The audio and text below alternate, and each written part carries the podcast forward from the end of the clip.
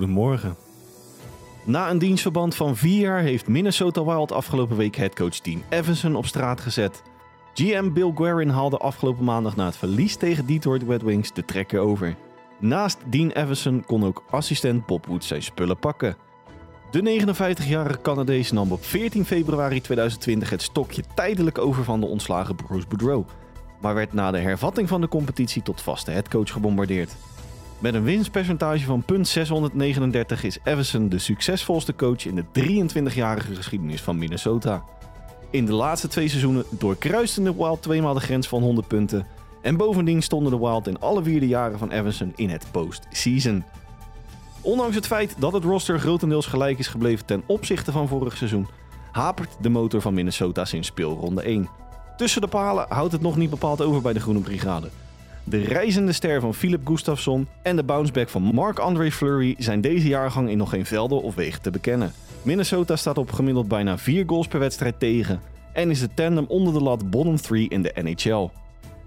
Nog diezelfde avond werd John Hines als opvolger van Dean Everson aangesteld. De 48-jarige headcoach werd aan het eind van vorig seizoen in Nashville door GM Barry Trotz van zijn taken ontheven en staat voor zijn derde klus in de NHL. Hines is overigens geen onbekende van Bill Guerin. Nadat de Amerikaan zijn headcoachcarrière in de NCAA en bij USA Hockey aftrapte, stond hij zes jaar bij Wilkes-Barre Scranton Penguins aan het roer, waar Guerin op dat moment de scepter als GM zwaaide. In een extra ingelaste persconferentie verklaarde GM Bill Guerin de keuze voor John Hines. With the coaching change, hey look, it's it's look at uh, the the slate's clean for the guys. It's um, you know it's a new day, it's a new voice. They're going to get a new message. Um, you know, like John said, he's not going to come in here and reinvent the wheel or make wholesale changes. It's little tweaks here and there. But I think, you know, with I know this team really well. I know these players really well. Their their buy-in level is is really high to, you know, whatever can if they can make this team better or be better, they'll do it. Their buy-in is incredible and I think they'll I think they'll listen to John right away. I think the buy-in will be right away and um, you know that that's just it's it's it's uh you just feel um, like a weight's been lifted off your shoulder. Chicago Blackhawks heeft afgelopen week per direct afscheid genomen van forward Corey Perry. De 38-jarige veteraan werd tegen Columbus Blue Jackets reeds op healthy scratch geplaatst en keerde nadien nimmer terug in het rode shirt. In de media gingen de wildste geruchten de ronde met een vermeende affaire met Mama Bedar als absolute hoogtepunt. Deze geruchten werden overigens door een emotionele GM, Carl Davidson, direct de kop ingedrukt.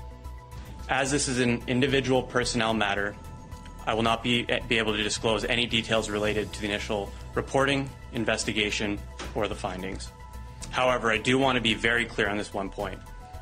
This does not involve any players or their families, and anything that suggests otherwise, or anyone that suggests otherwise, is wildly inaccurate, and frankly, it's disgusting. Afgelopen week kwam Corey Perry zelf met een statement naar buiten die iets meer licht op de zaak werpen. Zo laat de Canadees weten mentaal erg in de knoop te zitten en ook regelmatig naar de fles te grijpen. Bovendien hoopt hij ook het vertrouwen van zijn omgeving terug te winnen en werk te maken van zijn problematiek. GM Kyle Davidson heeft overigens niet lang getwijfeld om de problematiek op het roster op te lossen. Het ontslag van Perry is na Taylor Hall al de tweede belangrijke kracht die wegvalt voor de Blackhawks. Als vervanger kwam het front office uit bij Anthony Beauvillier. De 26-jarige forward komt over van Vancouver Canucks, waar hij in 22 optredens dit seizoen in totaal tot 8 punten kwam.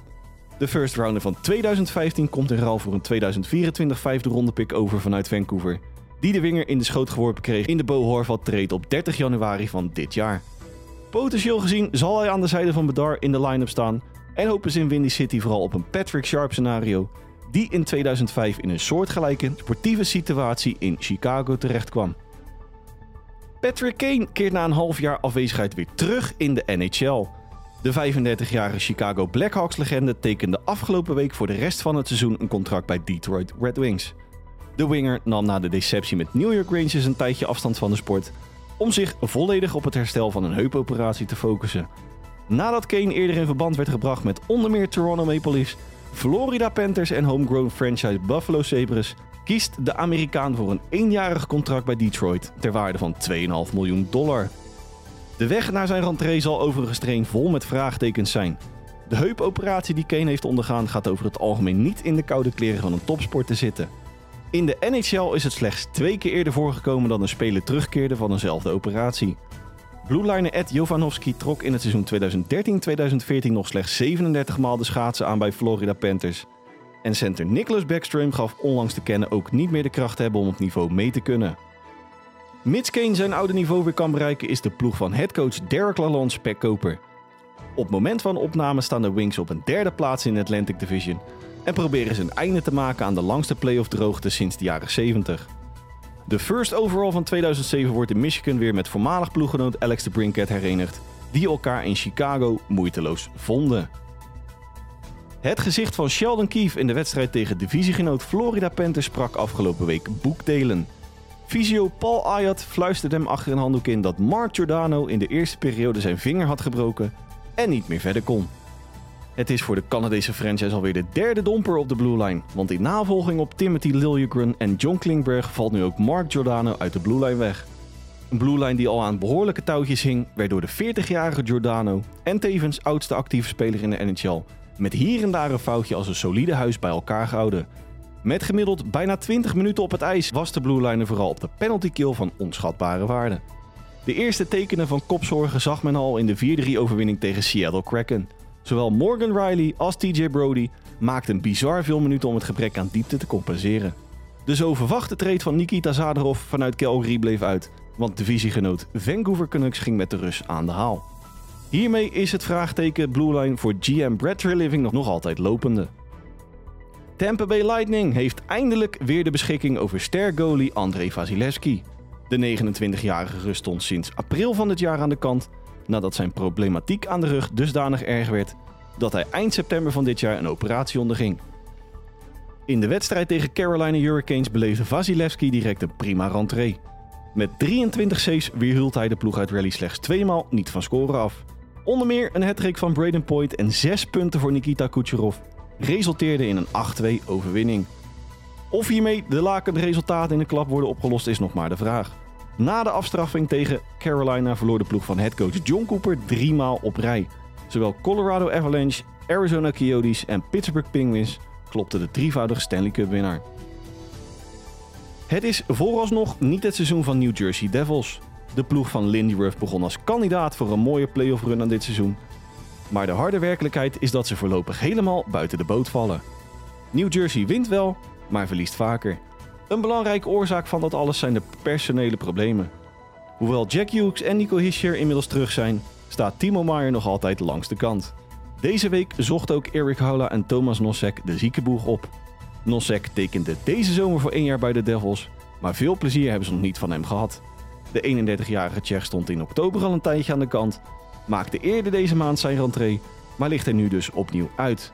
Het is nog niet duidelijk hoe lang de voormalig speler van onder meer de Red Wings en Golden Knights uitgeschakeld is met zijn upper body injury. Het gemis van Nosek zal nog wel op te vangen zijn, maar of dat ook geldt voor Eric Holla en Doggy Hamilton wagen we te betwijfelen. Holla verricht als winger veel arbeid, terwijl Hamilton natuurlijk een erg productieve blueliner kan zijn. En ondanks alle obstakels die ze tegenkomen, houden de Devils aansluiting in de Metropolitan Division. New York Islanders zal het de komende tijd zonder Adam Pellick moeten doen.